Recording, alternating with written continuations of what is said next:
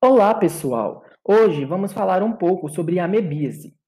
A entameba histolítica é o seu principal agente etiológico patogênico e é responsável pela segunda maior causa de morte por parasitose, representando 100 mil casos por ano, além dos casos assintomáticos.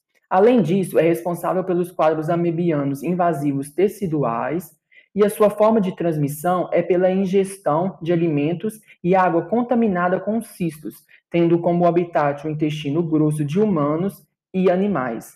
As entamoebas se classificam segundo a quantidade de núcleos presentes nos cistos, apresentando um ciclo monoxênico. Os principais sinais e sintomas são evacuações diarreicas, desconforto abdominal, hepatomegalia, perda de piso, náusea e vômitos.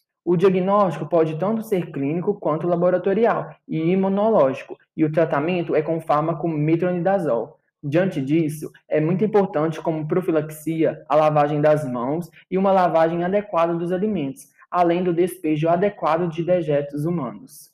Então é isso, obrigado.